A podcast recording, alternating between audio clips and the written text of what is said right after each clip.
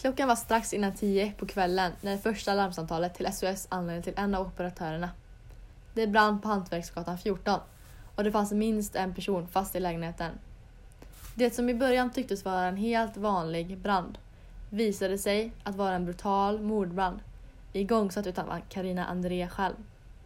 Men det var inte bara hennes man Pigge Axelsson som brann till döds i lägenheten utan också deras hund. Den vita huskin Snövit.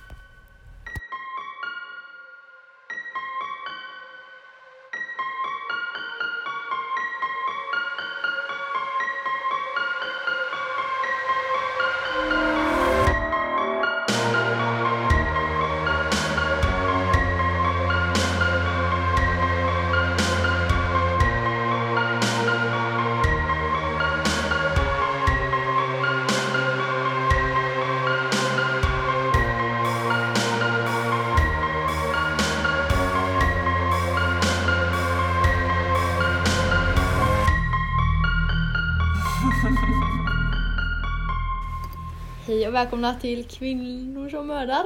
Inte säga kvinnliga mördare men det är inte rätt. Mm. Och eh, i dagens avsnitt ska vi prata om den tredje Arboga-kvinnan.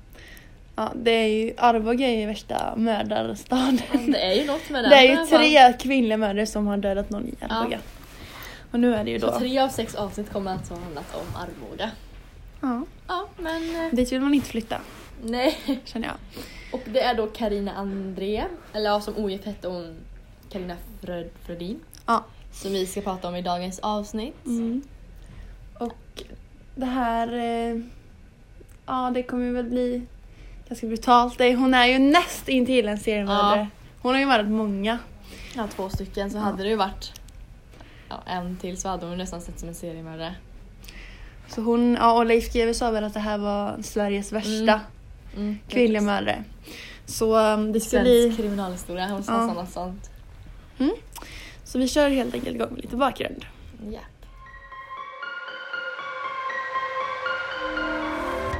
När Carina André eh, var 12 år flyttade hon ifrån sitt familjehem där hennes fyra andra syskon bodde. Och då flyttade hon istället till en släkting.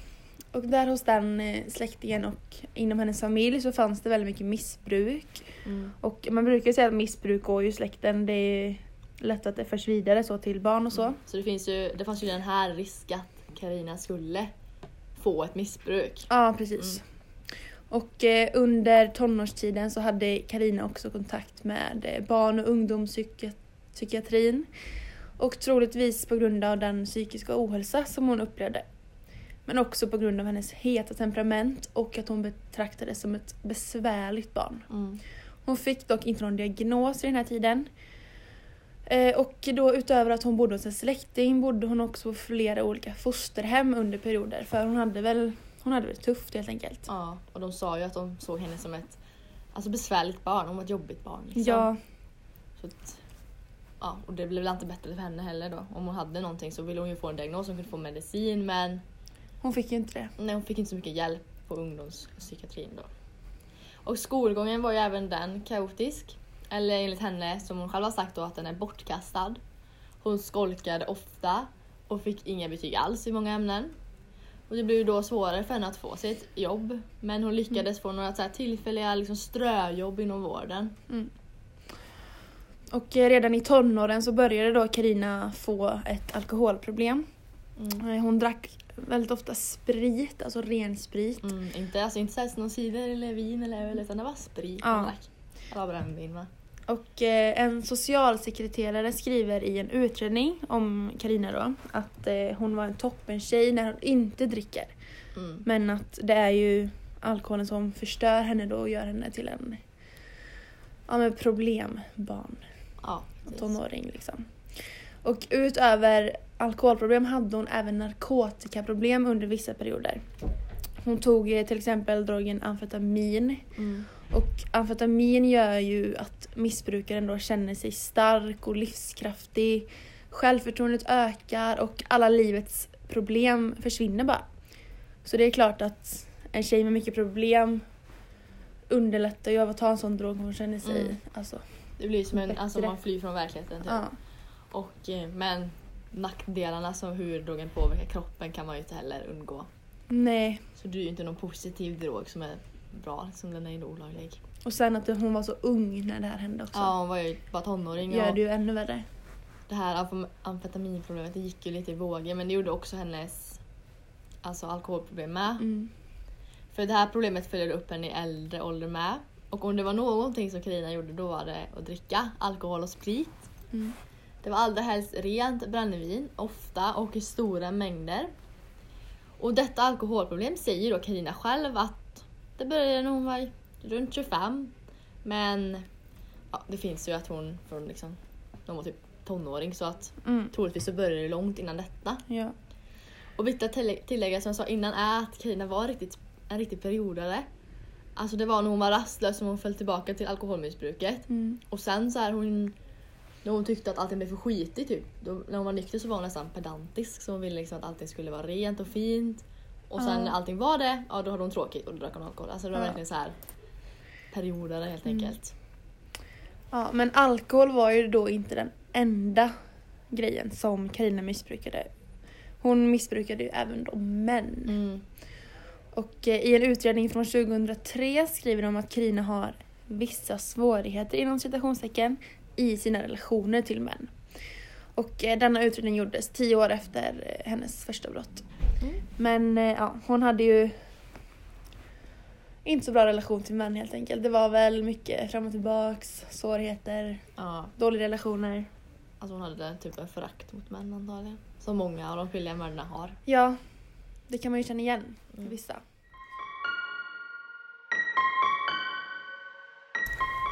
Karina André var 31 år vid den tidpunkten som det första brottet inträffade. Hon var tillsammans med en man som hon då även bodde med och det var hennes sambo i en lägenhet i Arboga. Och Arboga är en liten tätort i Västmanland med cirka 10 000 invånare. Och det har ju skett mord där, eller ganska många nu. Ja, som vi har tagit upp i den här podden. Ja, Men, ja. vi har ju tre Arboga-kvinnor nu. Eh, och det var under en natt i slutet av juni, den 23, som det här paret började bråka hetsigt. Och båda två hade då en rejäl dos alkohol i blodet. Antagligen så hade väl han, hennes sambo också alkoholproblem som hon hade då. Mm. Tjafset eskalerade allt mer. Men bråket lugnade sig. Eller ja, alltså han däckade i fåtöljen, mannen då.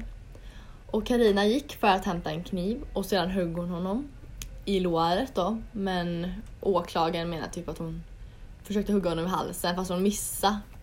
Hur man nu kan missa så. det känns lite... Men hon var ju också berusad så jag Ja, vet okej, inte ja. hur full hon var men hon högg honom i alla fall. Mm.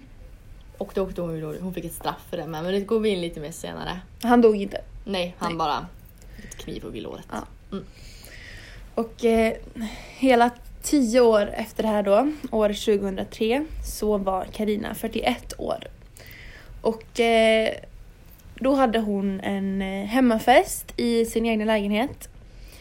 Festen då som även kallat en riktig fyllefest Mm. ägde även denna rum då i hennes egna lägenhet i Arboga.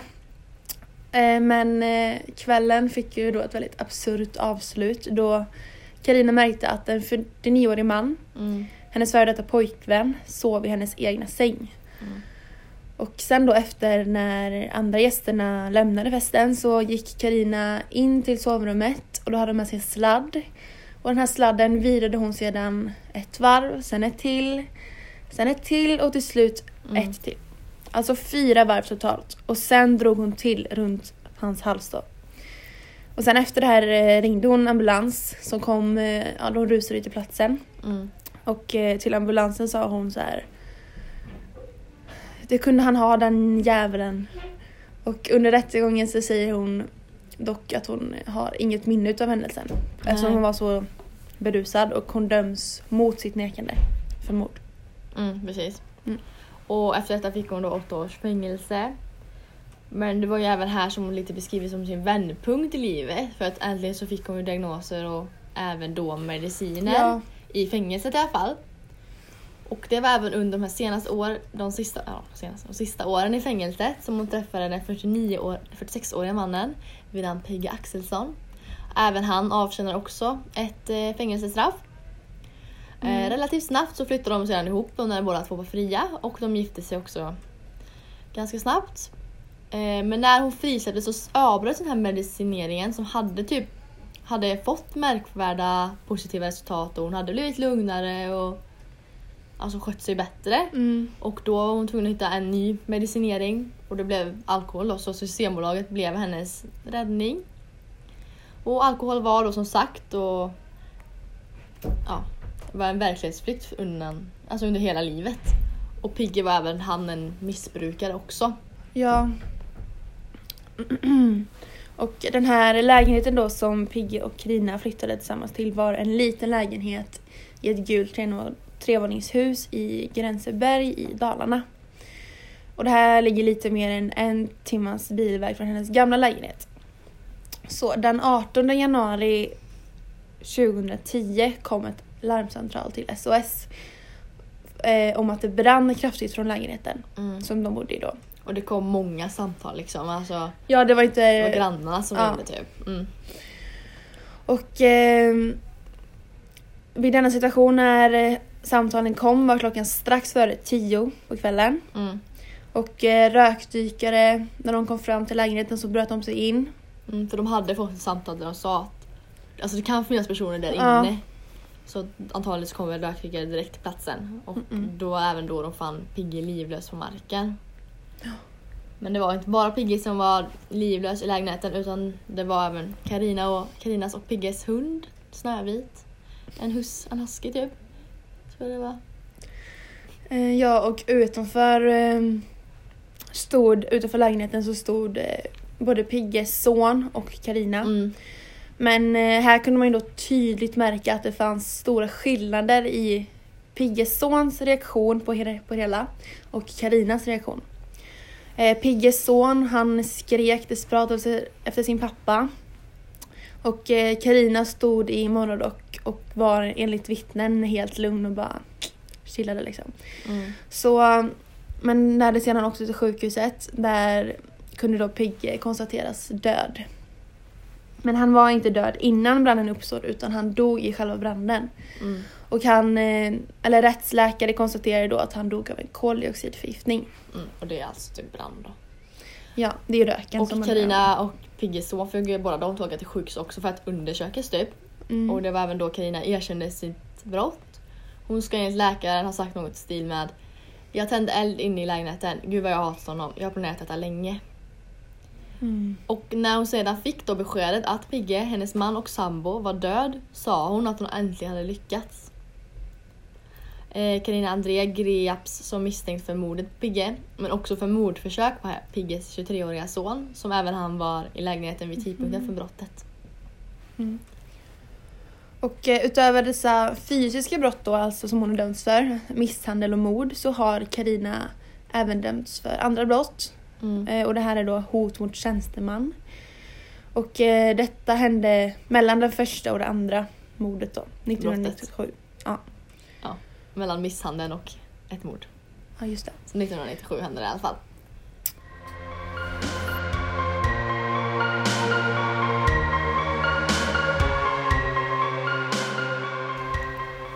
Efter första brottet blev hon endast dömd för grov misshandel. Detta för att knivhugget var i offrets lår. Eh, alltså hennes pojkvän då, vid den tiden. Och åklagaren hävdar dock att Karina siktade mot mannens hals, men att hon missade om man nu kan missa så grovt för det känns väldigt, han satt i en fåtölj och så ska hon hugga han på halsen då. Men hugger i låret istället så det är väldigt ändå hur man kan missa det. Men åklagaren ville då att Karina skulle dömas för mordförsök.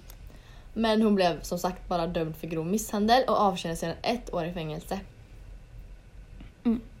Och efter att det första mordet skedde, då hon ströp ihjäl sin före detta pojkvän med hjälp av en sladd, Mm. dömde hon sig då, eller hon dömdes mot sitt nekande och då föll domen på åtta års fängelse. Mm. Hon sa ju att hon hade glömt av det eller att hon inte mindes. Ja, Precis precis. som många gånger hon har sagt. Mm. Och eh, även vid rättegången för mordet på Pigge och mordbrand då säger Karina att hon inte har något minne utav händelsen. Trots att hon eh, ja, men i princip har erkänt det för andra, för Mm. läkaren då bland annat. Så Karina dömdes även här mot sitt nekande till lagens absolut strängaste straff. Livstid fängelse för mord och grov mordbrand. Mm. Och utöver det här fängelsestraffet ska hon också betala 300 000 i skadestånd.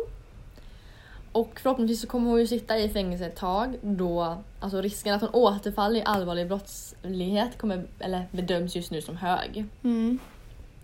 Och just nu avtjänar hon sitt straff på kvinnoanstalten i Hinseberg. Och den här anstalten ligger då cirka två mil nordost om Örebro.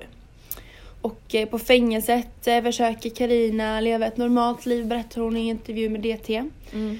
Karina har hand om tvätteriet och hon arbetar under dagarna. Och cellen hon bor i är cirka 10 kvadratmeter. En säng, toalett med dusch och en TV. Trots att hon har hög återfallsrisk hoppas hon att hon blir fri inom snar framtid. Hon berättar att hon kommer söka nåd i alla fall. Mm. Och i media så kallas Carina Andrén för den svarta änkan. Så ni kanske har hört det tidigare. Och detta är då eftersom att hennes, så många av hennes män har dött. Och i många fall även på grund av henne. Eh, viktigt att tillägga är att hon dock också haft, alltså hon har haft andra pojkvänner och makar mellan de här brotten. Mhm. Och en make som dog, han dog liksom av natur, nej, natur, naturliga skäl. Alltså, alltså antagligen typ leverproblem för att han drack väldigt mycket alkohol. Ja. Det var något gemensamt mellan hennes makar och hon själv. De drack alkohol tillsammans. Och sen då får man inte glömma att i en intervju så får ju Karina frågan själv hur hon ställer sig till eh, ja, men att så många av hennes män och pojkvänner har skadats eller dött Mm. i hennes närhet.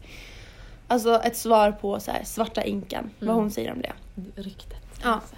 Och hon säger ju att det inte alls är så illa som media påstår. Då det faktiskt är med flera av hennes tidigare pojkvänner som lever idag. Och enligt Karina själv skulle hon beskriva sig som en hygglig person helt enkelt. Och detta är då en av anledningarna till varför Karina inte gillar det som skrivs i media då hon tycker att ja, men det har framställt henne som en hemsk människa. Speciellt då utav de här kvällstidningarna. Och ja, alltså det är klart att media har ju hängt på det här med Svarta änkan så det blir ju väldigt Alltså bara, Bra att skriva namn, om, liksom. liksom. Ja. Svarta änka. Alltså det är så här. Det är mer roligt. Ja, det kommer ju ge läsare och så. Ja. Men sen, ja, två män har dött och en har skadats allvarligt. Så det är ju inte helt obefogat heller liksom. Nej precis. Yes.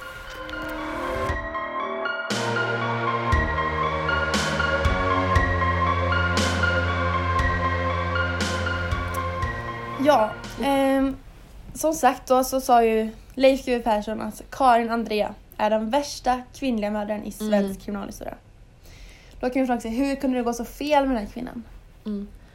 Och eh, alltså hon verkar ju ha någon förakt mot män då det är bara här män i hennes närhet som har mördat och skadats. Ja, Och varför hon har det, alltså det kan ju vara någonting i barndomen, alltså någon trauma. Ja, Men samtidigt så hade hon ju problem med alkohol och det känns verkligen som att Alltså att missbrukare har en större risk att begå brott. Alltså, Ja men så hennes barn, hon hade ju det redan i tonåren började hon Mm. med, alltså även alltså, tung- fly verkligheten typ. Ja precis och hon har ju haft en väldigt ostabil barndom och det är där man Alltså det är där man bygger upp relationer och då har hon väl inte haft någon riktig relation till varken ja, men män då. Alltså bara haft en dålig relation med män. Ja, Att kanske någon man i hennes närhet har svikit henne eller någonting så att hon bara Alltså blir irriterad och hatar män typ. ja, det är ofta där det ligger i att man har här förakt mot män. Mm. Att det har hänt någonting i bakgrunden. Och sen skedde ju de här brotten, de skedde ju hennes, alltså så här, man ska säga, hennes trygga zon. Mm. I hennes egna hem. Mm. Och då tänker jag kanske hon blir typ irriterad om någon stör balansen i hemmet. Så jag menar Ja. att det är lite så här. Att han sover i hennes säng, han däckar i hennes säng. Alltså så här, alltså vad gör du? Alltså det är min säng. Alltså det blir lite så. Alltså, det kanske inte är en stor grej i sig. Men att det ska vara i hennes trygga zon. Hon kanske har haft en dålig barndom och sen när hon väl får sin egna lägenhet, sitt hem. Och så kommer någon och stör den här balansen som är lugn Mm. liksom. Jo men visst har hon en kontroll, Ja alltså antagligen så hade hon ju kontrollerande person. Ja. Och, eh, och sen så begår ju kvinnor i de allra flesta fallen allt dödligt våld i deras hem. Det är liksom Mm. det vanligaste. Men eh, det är klart, det är väl där hon känner sig trygg om någon kommer och stör där. Alltså, Men det, är det, menar, det känns verkligen Mm. som att kvinnor vill ha den här tryggheten på ett annat sätt och när den här tryggheten förstörs så kanske man kan ta till våld liksom. Ja. Och med andra, alltså med hennes förakt mot män så byggs det ju på och andra grejer med missbruk och... Alltså det är ju ännu värre när en man gör det. Om hon inte gillar män från grunden och sen så gör, Mm. stör mannen balansen. Och då, alltså, då känner hon kanske inte att det finns någon annan lösning på problemen. Mm. För hon är nog ganska, alltså, ganska kalla alltså, att ta en sladd och vrida den och sen bara dra. Alltså det är något Mm. sådär, alltså ganska kallt mod. Typ. Ja, det är ju verkligen kallblodigt liksom. Mm. Det är inte ens blod liksom, det är bara Mm. kallt på ytan. Alltså det är så här, bara ja, stryper honom till döds typ. Och inte så med egna händer heller utan använder verktyg bara för typ inte att hon ska nudda. Så det är ju någonting hon... Alltså hon har ju störning också, det har de ju kommit fram i efterhand. Ja precis, en antisocial personlighetsstörning med psykopatiska och narcissistiska drag. Och det kan man ju se också sen när hon säger att hon ser sig själv som en hygglig person. Mm. Det visar ju väldigt starka så här, narcissistiska drag att hon Ja men eh, jag är ju döda två personer men jag är fortfarande hygglig och jag är inte den svarta änkan. Alltså det visar ju att hon är narcissistisk liksom. Mm. Det är så svårt att också så här definiera en psykopat typ. Alltså, de känns inte som de är så medvetna om sina heller, sina handlingar precis som... De har inte känslor på samma sätt. Nej. Antagligen så har hon väl inte det heller för att hon gör ganska mord som bara är såhär, alltså typ mord när hon nästan kan se mannen lida så det är inte så här att det ska gå snabbt utan det är verkligen såhär tar en sladd. Ja och att hon, jag tänkte på det, att hon bränner in eh, mannen och hunden. Alltså det visar ju verkligen empatibrist. Ja. Även fast hennes egna hund liksom. Hennes hund har ju inte gjort någonting. Nej. Hon har väl inget förakt mot hundar liksom. Nej, hon gillar ju inte sin man men han har antagligen... Ja, de har ju haft missbruk tillsammans så det kan väl inte vara bra för ett förhållande där de har bråkat mycket. Men hunden har ju egentligen inte gjort någonting. Det känns väl som att hunden är den man hade räddat först. Ja precis. Och eh, sen är hon ju helt övertygad att om hon hade fått den medicinen som hon åt när hon var yngre så Mm. hade hon inte gjort det. Hon hade, Alltså den som hon fick på fängelset då när hon var inne för det första mordet. ja, om hon hade fått den tidigare så tror ju hon att hon inte hade gjort det som hade hänt. Alltså det var typ ADHD-mediciner. Mm. Så hon tror att de hade alltså, lugnat ner henne, kanske fått henne att tänka en extra gång. Alltså lite så. Alltså jag skulle väl också säga ja, om hon hade fått hjälp i barndomen så tror inte jag heller att det hade gått som det... Nej, men det är väl så med alla mördare. Ja precis. Alltså vissa kan ju tjejer vara alltså, riktigt alltså, dumma liksom, alltså ondska människor men så jag tror man kan förhindra många framtida mördare i barndomen. Ja verkligen. Och även fast man inte ska skylla så här, ja det skulle bli bättre på barndomen, alltså man måste ändå ta ansvar för sina handlingar. Och Mm. detsamma, man kan inte skylla med att man inte fick medicin för att Nej. det är väl ingen rättighet det i sig. Men eh, det hade ju förhoppningsvis, eller alltså kunnat hindra att två människor dör alltså. Men sen så tror jag ju absolut att hon eh, kommer, ifall hon kommer ut, eller det kommer hon väl göra. Ja, alltså livsstil är ju inte livsstil i Sverige. Nej, jag tror ju absolut att hon kommer, det kommer stå något mer om henne då liksom. Ja, alltså det känns typ som att, det, alltså, alltså, att hon skulle kunna mörda igen. Hon har ju en väldigt lätt återfallsrisk och hon visar ju i princip inget ånger. Hon nekar ju liksom. Alltså hon vet ju att typ vad hon har gjort men hon säger ju att hon inte har något minne av det. mm. Och det är också så här, säger hon så bara för att... Alltså hon bara har väl att, minne av det ja. liksom typ. Alltså hon säger att hon inte har något minne alltså drack alkohol. Det är väldigt lätt att skylla på saker. Mm. Så det är en svår person det här Carina. Men det känns ändå som att det finns väldigt mycket så här, så här varför blev det som det blev med henne? Var det hade förra gången? Sara Lundblad? Ja, Ja. Sara Lundblad var det ju förra Det gången. var också ekonomiska skäl. Typ. Och här, men det känns verkligen Det som var ju att- också så här, män i, hen, i hennes närhet. Mm. Men tycker på Det är ofta typ, det. Det är, ofta, det är ju ofta folk i när... Alltså offren är ofta... Alltså alltid typ. Ja men alltså vi har folk ju inte som haft någon än som inte har varit nära Nej. av våra kvinnliga mördare. Det är lite det som definierar så här, typiska kvinnliga mördare. Mm. Och att även fast de kanske inte alltid mördar men så är alltid offret så nära till en annan man som har Mm. varit i deras närhet. Typ. Alltså, som Jonna mördade hennes kärleksrival och Kristin Kyrre hennes kärleksrivalen och kärleksrivalens barn. Eller kärleksrivalen dog inte men ja, ni förstår. Att det är ofta alltid någon koppling på något sätt till män. Ja. Är den här underliggande förakten som Mm. kanske alla kvinnor Alla har har. den kanske. Nej, Men det är också män, Ja. alltså män mördar ofta kvinnor med. Om man ska vara så.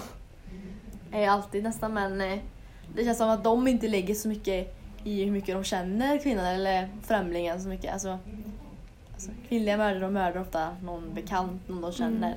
Det känns som ändå män skulle typ kunna gå ut och döda någon random. Men alltså män kan ju mörda kvinnor av liksom sexuella skäl. Det är ju inte ofta en kvinna mördar en Nej. man typ av sexuella skäl så här, om man njuter av att se någon dö. Det, de har ju ofta några andra liksom, orsaker till det. Alltså, det går ju inte att våldta någon som är alltså, en död man. Det går typ inte.